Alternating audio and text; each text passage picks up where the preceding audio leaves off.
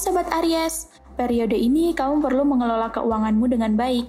Meski sedang akhir tahun dan liburan segera tiba, tapi ada beberapa tagihan yang perlu kamu bayar. Pinter-pinter atur keuangan ya Aries. Percintaan untuk Sobat Aries Lovebird.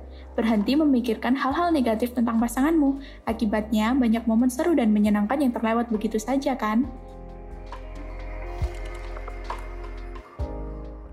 Percintaan untuk Sobat Aries yang masih single. Hati-hati jika berkenalan dengan seseorang melalui dating app ya.